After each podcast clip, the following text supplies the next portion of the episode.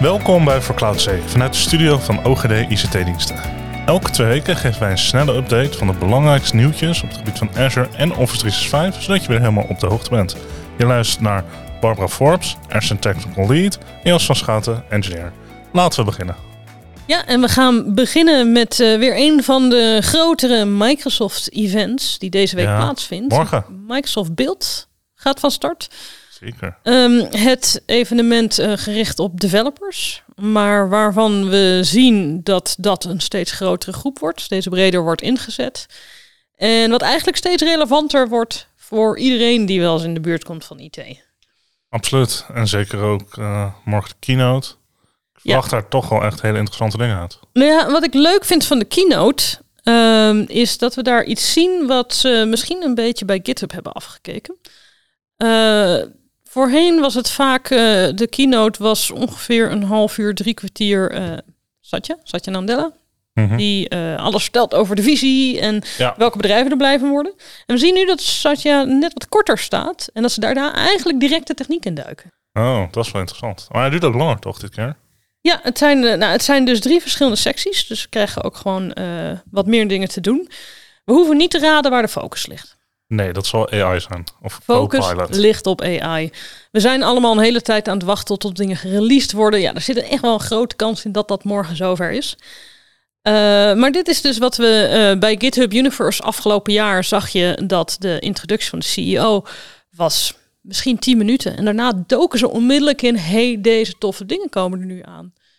Dus ehm, vind ik leuk. Dus op die manier Ja. doen. Dat was toen heel erg fijn om naar te kijken. Dus eh, ja, dat stemt bij mij de ver- verwachting in ieder geval heel hoog. De keynote is om zes uur Nederlandse tijd. Zes uur s'avonds. Dus je kan lekker eh, met je bordje op de bank of achter je laptopje Ja, precies. gaan kijken. Volgens mij is het gewoon weer een cirkel van 48 uur. Net als voorgaande jaar toen we virtueel gingen. ja, ik heb het niet gedubbelcheckt tot hoe laat precies is. Maar je kan je gratis inschrijven voor de virtuele versie. En je kan dan alles terugkijken. Mooi. Je kan er ook in persoon bij zijn in Seattle. Dus het is weer een hybrid eh, event. Ja, en naast AI gaat het hier dus ook eigenlijk in op alles wat van belang is voor developers. Dus dat is cloud, dat is Azure, dat is ook GitHub en dat is ontwikkeling aan specifieke talen. Ja, ik ben heel benieuwd. Ik eh staat in mijn agenda voor morgen. Ja, Kan het zien. ja. En eh, ja, hopelijk dus eh, volgende podcast heel erg veel nieuws eruit. Ik, eh, ik verwacht niet per se nog een release van Copilot, maar ik verwacht wel eindelijk een roadmap en eh, data. En misschien zelfs al een beetje een indicatie van hoe dat gaat zitten met licenties en betalingen. Maar dat is misschien net te veel gevraagd. In ieder geval een hoop inspiratie weer. Absoluut. Ja. En jij had nog wat dingen gezien. Ja, nee, zeker. Eh, want ik heb een aantal nieuwtjes gezien in het Message Center. Zoals bijvoorbeeld Semantic Index voor Copilot. Dus niet syntax, Semantic Index. En eh, wat ze daarmee aankondigen is een nieuwe eh Copilot functionaliteit specifiek voor E3 en E5. Dus hier worden wel licenties genoemd. Dat is eigenlijk volgens zoals ze het beschrijven de core eh, van Copilot. waar je een map hebt van jouw data, je company data en hoe dat zeg maar een beetje à la Delft, maar dan vast wel mooi met AI aan elkaar zit. Echter, dus hier, ik kon geen blogpost vinden, helemaal niks. Ja, dat is wel een beetje de trend geweest de afgelopen weken. Van hier komt potentieel iets heel moois en we vertellen er bijna niks over. Precies, alleen een message center ding en that's it. En hetzelfde voor eh, Microsoft Edge. Ze wordt aangekondigd, er is nu een Microsoft Edge Management Service. En de single portal om je Edge te, te beheren.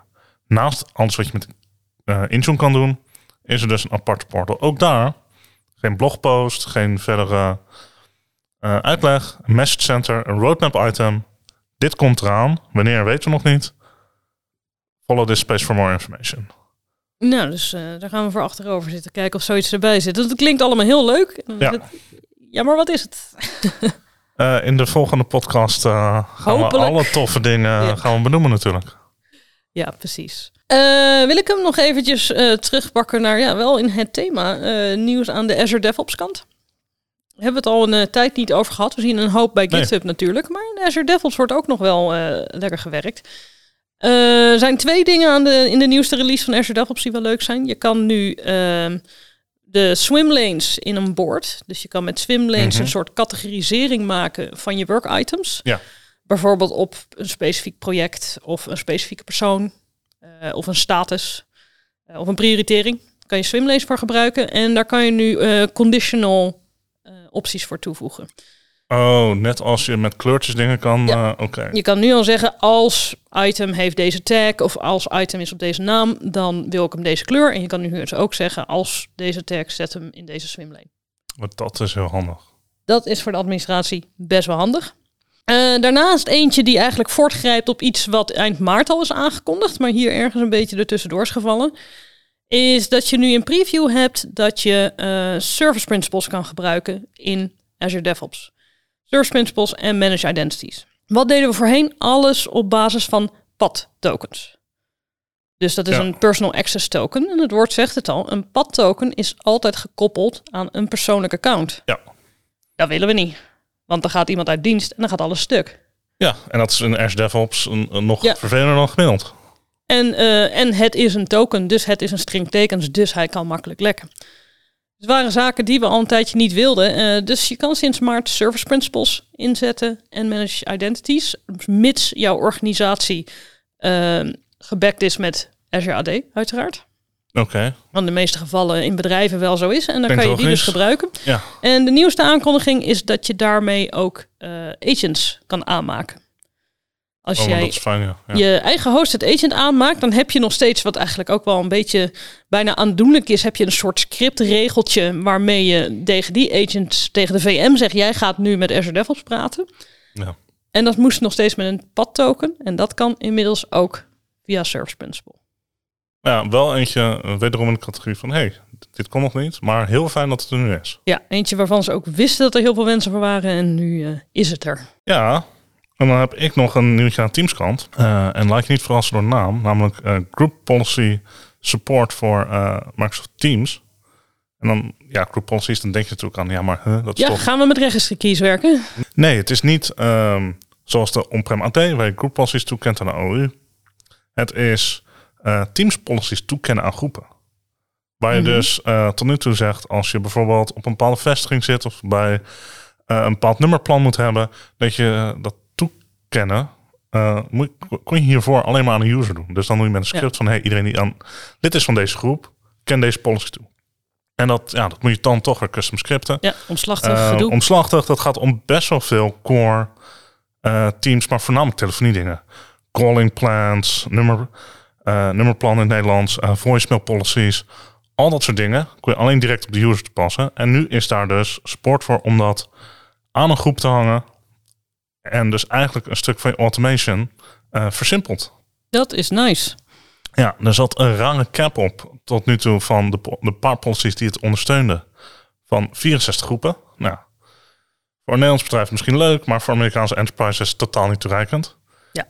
Die cap is eraf. Het is nu unlimited. En ja, het is gewoon een heel veel fijnere manier om al je telefonie dingen op een standaard manier toe te kennen aan een logische unit. Een Ja, afdeling of een land of een whatever. is ook Dat kan gewoon nu een... gewoon.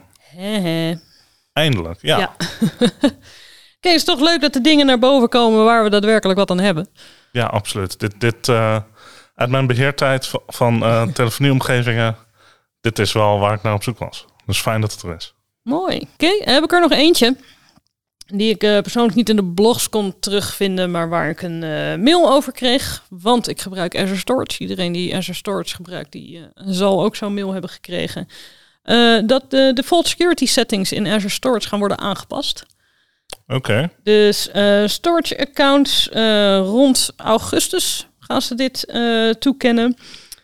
Ehm, ga je dus niet meer in staat zijn om by default anonymous external access te doen.